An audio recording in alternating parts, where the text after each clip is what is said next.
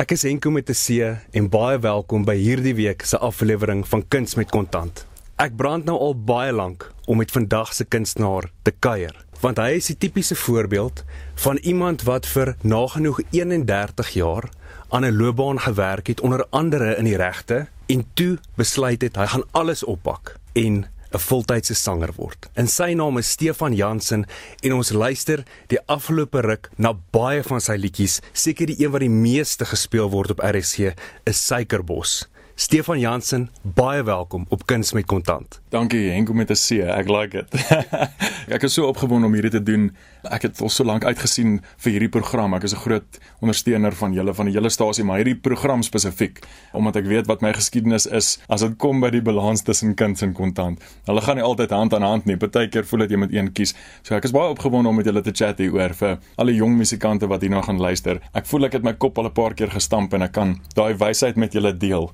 Stefan deel met ons daardie storie. Daar is soveel mense daar buite wat graag hulle drome wil najag, maar te bang is om dit te doen. En tog het jy daai sal mense dit noem geloofsprong geneem, maar jy het dit net voor die Grendel tydperk, net voor Covid gedoen en jy het amper tot voor aan 'n muur te staan gekom, maar jy het nog steeds besluit jy gaan voortbeer na deurdruk en kyk waar is jy vandag. Kom ons begin by die begin want daai daai wat jy nou gesê het dat ek uiteindelik begin my drome voltyds najag het net voor die Grendel tydperk. Dit was vir my ek is 'n gelowige ou en ek het daai dag opgekyk na die hemel en net gedink die Here het 'n snaakse sin vir humor, maar jy moet 'n les wees om te leer uit. En ons gaan nou kom daarby. Ek het na skool ek het begin gitaar speel in standaard 8. Ehm um, eintlik maar om die kampvure en so aan en dit het my eerste keer in my lewe vir my 'n sin van identiteit gegee. Ek was nie regtig enigiemand gewees nie want ek was nie regtig sportief op skool. Ek was nie cool gewees nie want ek het uitgehang saam met die kinders wat nou nie as cool gesien word nie.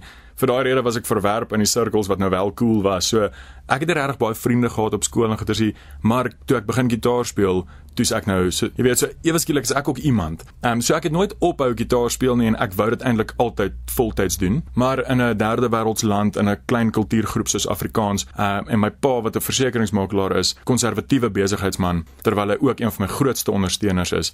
Hy ek en hy het gesit en wonder, is hierdie realisties? So na skool het ek ek het baie Legos gespeel toe ek jonk was. So ek wou meganiese ingenieurswese gaan swat het. Ek het daai geleentheid gehad, maar ek het toe opgeëindig in 'n klas waar daar 'n klomp regstudente sit en die karakters het my baie interesseer. Toe besluit ek, okay, ek gaan die reg bestudeer. Ek het my LLB gekry. Ek het 'n uh, paar jaar praktiseer as 'n prokureur en dit het my baie geleer van skryf, want prokureurs moet natuurlik baie krities dink aan die betekenis van woorde en strukturele skryf. Jy weet as jy pleitstukke opstel, jy moet dink aan wat jy skryf want die regter gaan aan die ander kant sit en 'n boodskap ervaar. So, jy wil 'n boodskap oordra met spesifieke woorde wat spesifieke betekenisse en spesifieke emosies uitlok En wat anders is daar, jy weet liedjies skryf is dieselfde ding. Ek het my regsloopbaan, dit was my verskriklik lekker want ek was in die posisie om mense te help. Ek het glad nie gevlug uit daai praktyk uit nie. Toe het ek so 'n draaitjie gemaak in die versekeringswêreld met regsaanspreeklikheidsversekering. Ehm um, juis vir prokureurs en ingenieurs uh, as hulle 'n fout sou begaan, laat mense hulle dek vir hulle vir die onkoste. En ehm um, daarna 2019 het ek besluit eintlik na 'n uh, baie toevallige inbraak by my huis. Daar het 'n klomp manne ingebreek by my huis en letterlik alles wat met krag werk is daar weggedra. As hulle weet wat my gitare werd is, het hulle eerder net my gitare gevat. Maar hulle het verby my gitare gestap en alles in die huis gesteel. My pa se my makelaar se my versekerings was great geweest. Ehm um, en toe daai versekering geldjie uitbetaal toe, besef ek ek is vir die eerste keer in my lewe in 'n posisie waar ek kan basies 3 of 4 maande hoef ek nie te werk nie. Ehm um, ek het dit was in September, so ek het September, Oktober, November, Desember wanneer die besigheid dinge weet die musiekbesigheid besiger raak. Ek het 'n paar besprekings gehad, musiek tipe dinge wat bevestig was. So ek het my finansies so gekyk en net besef ek het 'n 3 maande gap. As ek klip hard werk nou, kan ek dalk my inkomste op 'n plek kry waar ek nie nodig het om te werk nie. Mense moet maar vir jouself besluit wat is belangrik. Vir my op daai stadium het ek gevoel ek het al klaar te lank gewag. Hier is al klaar lank of my droom. Ek gaan nou, maak asook wat gaan ek gaan dit doen. Iets wat jy ook vir my genoem het toe ons gekuier het tydens die musiek en daarba is dat al het jy hierdie groot sprong geneem in jou 30er jare, toe dit gebeur het, het jy eintlik maar nog altyd geweet dat jy nog altyd gereed was vir die oomblik. Definitief. Daai liedjie van my, die liedjie se naam is lankal gereed en dis presies die woorde, jy weet. Ek het allerlei dinge gedink, allerlei dinge gedoen en op die einde kon ek nie eers voorspel wat so groot storm oor die horison op pad is nie, want Ehm um, ek was al lank al gereed en hier kry ek nou weer hoendervleis soos ek dit sê, maar uit vrees uit Vrees is die moordenaar van alle drome. Jy kan nie met vrees lewe nie. Los vrees agter, gaan voluit vorentoe en maak foute. Dis oukei. Okay. Maak die om foute te maak is die vinnigste manier om te leer. Die vinnigste manier om vorentoe te gaan is om nou en dan jou kop te stamp. Dit is maar mense is bang om jou kop te stamp want hulle dink mense gaan jou oordeel. Daar's 'n boek, die boek se naam is Mindset van Dr. Carol Dweck. Wat 'n fantastiese boek. Dit gaan oor die mindset om mislukkings om te draai in vordering. Daai boek het my lewe verander want ek het besef jy mag foute maak. Daar is nie ek glo nie regtig in natuurlike talent nie. Ek dink nie ek ek het nie natuurlike musiek talent gehad nie. Niemand is musikaal in my familie nie. My pa het bietjie gitaar gespeel toe hy in die polisie was, maar hy het my bietjie 'n paar chords geleer, House of the Rising Sun speel wat ek al. Maar ek is vandag waar ek is absoluut as gevolg van harde werk en omdat ek net besluit het luister ek sal mislukkings maak en ek weet dit gaan kom maar ek wil dit so graag hê dat ek eerder deur die mislukkings sal leer en daardeur het ek besef ek was lankal gereed om hierdie besluit te neem. Ek was net te bang geweest. Ons hoor Suikerbos keer op keer op RSG en wat ek die opvallendste vind is die laaste reeltjie in Suikerbos. Die laaste paragraaf of strofe sê Suikerbos ek wil jou hê, Suikerbos ek wil jou hê. En dan sluit jy af met so 'n gewigtige vraag waarin jy sê, maar wat sal die Here daarvan sê? Wat beteken daardie vraag in Suikerbos? Ek het toe ek hierdie geskryf het, het ek 'n gesprek met die Here gehad en vir hom gesê, ek gaan laat gaan. Alles wat ek weet is irrelevant. Ek weet sukses en en seëning kom net uit genade uit, nie uit verdienste nie, maar alleen uit genade. Ek het vir die Here gesê, okay, hierso is dit. Ek sal jy sal hoor in in baie van my liedjies. Ek is nie te mal daaroor om gesprekke en debatte te hê oor geloof nie, want ek wil nie debatteer oor nie. Ek weet wat ek voel.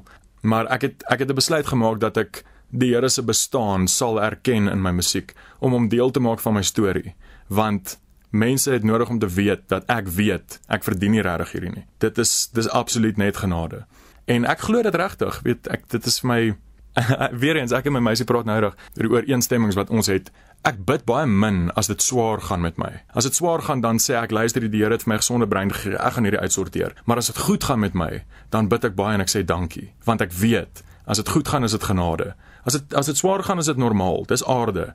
Maar as dit goed gaan is dit genade. En so daai laaste lyntjie het ek eintlik jy weet Leonard Cohen se skryfstyl. Leonard Cohen trek so mooi verband tussen vlees en gees. Hy hy daai balans. So die lyn suikerbos ek wil jou hê, wat sal die Here daarvan sê? Is eintlik, jy weet, suikerbos ek wil jou hê op 'n menslike vlak, maar nie as dit nie die Here se wil is nie. Dit is dit is hoekom my lyn daar is.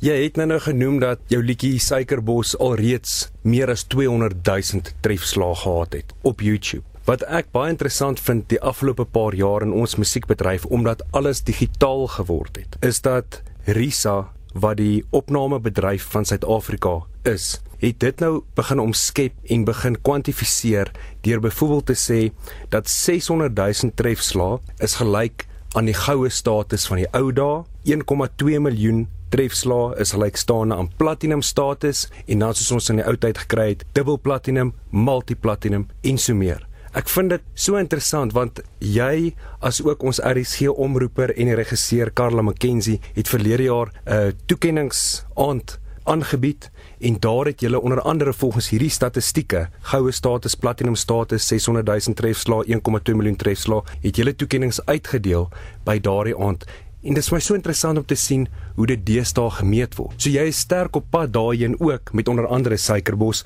maar het ander kommersiële sukses gehad met jou liedjies lankal gereed as ek jou onthou en natuurlik Katrein.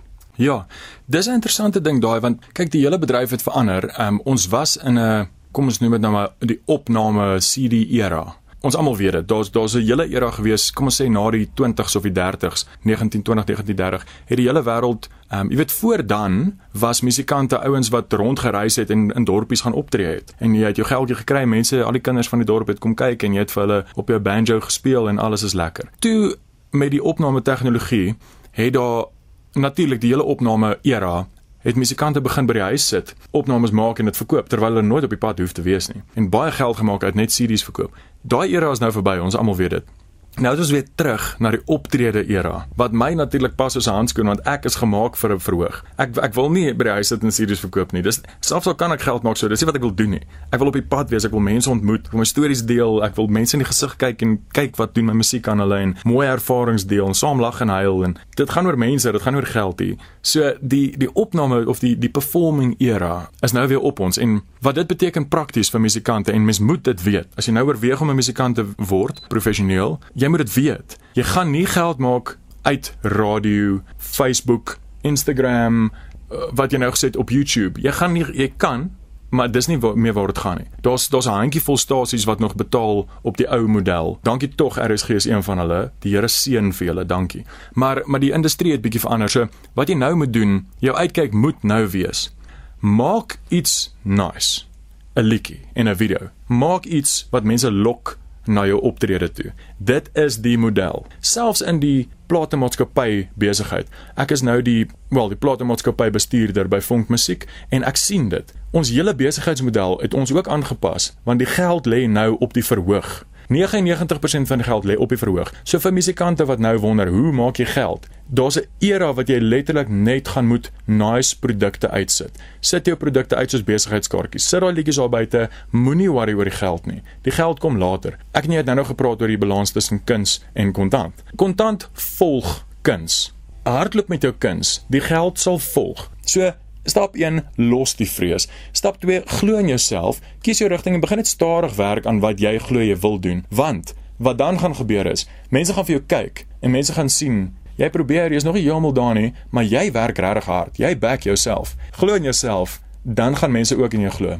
Die stert volg jou hond. Stefan Jansen, ons is baie dankbaar dat jy op 31 jarige ouderdom destyds daardie 15 minute geneem het en op jou rusbank gaan sit het met 'n notaboek en besluit het dat dit is wie en wat ek is en wat ek nou gaan doen want ek wens vir jou 'n baie blink toekoms. Ek weet jy gaan deel wees van hierdie Afrikaanse musiekbedryf vir die res van jou lewe want jy het gearriveer. Mag jy van krag tot krag gaan en baie dankie dat ek vandag so lekker jou kon kom kuier het. Baie baie dankie. Regtig baie dankie dat jy my musiek ondersteun en dit speel meer belangrik as enigiets anders vir jou die luisteraar wat nou hierso sit en luister. Uit die diepte van my hart uit. My Skepper hoor my, dis die waarheid wat ek vir jou sê. Sonder julle kan ek dit nie doen nie. Ek is 'n mens se mens en ek waardeer julle uit die diepte van my hart uit. Dankie dat julle Afrikaans ondersteun en dankie vir al julle liefde. Ek waardeer dit so baie.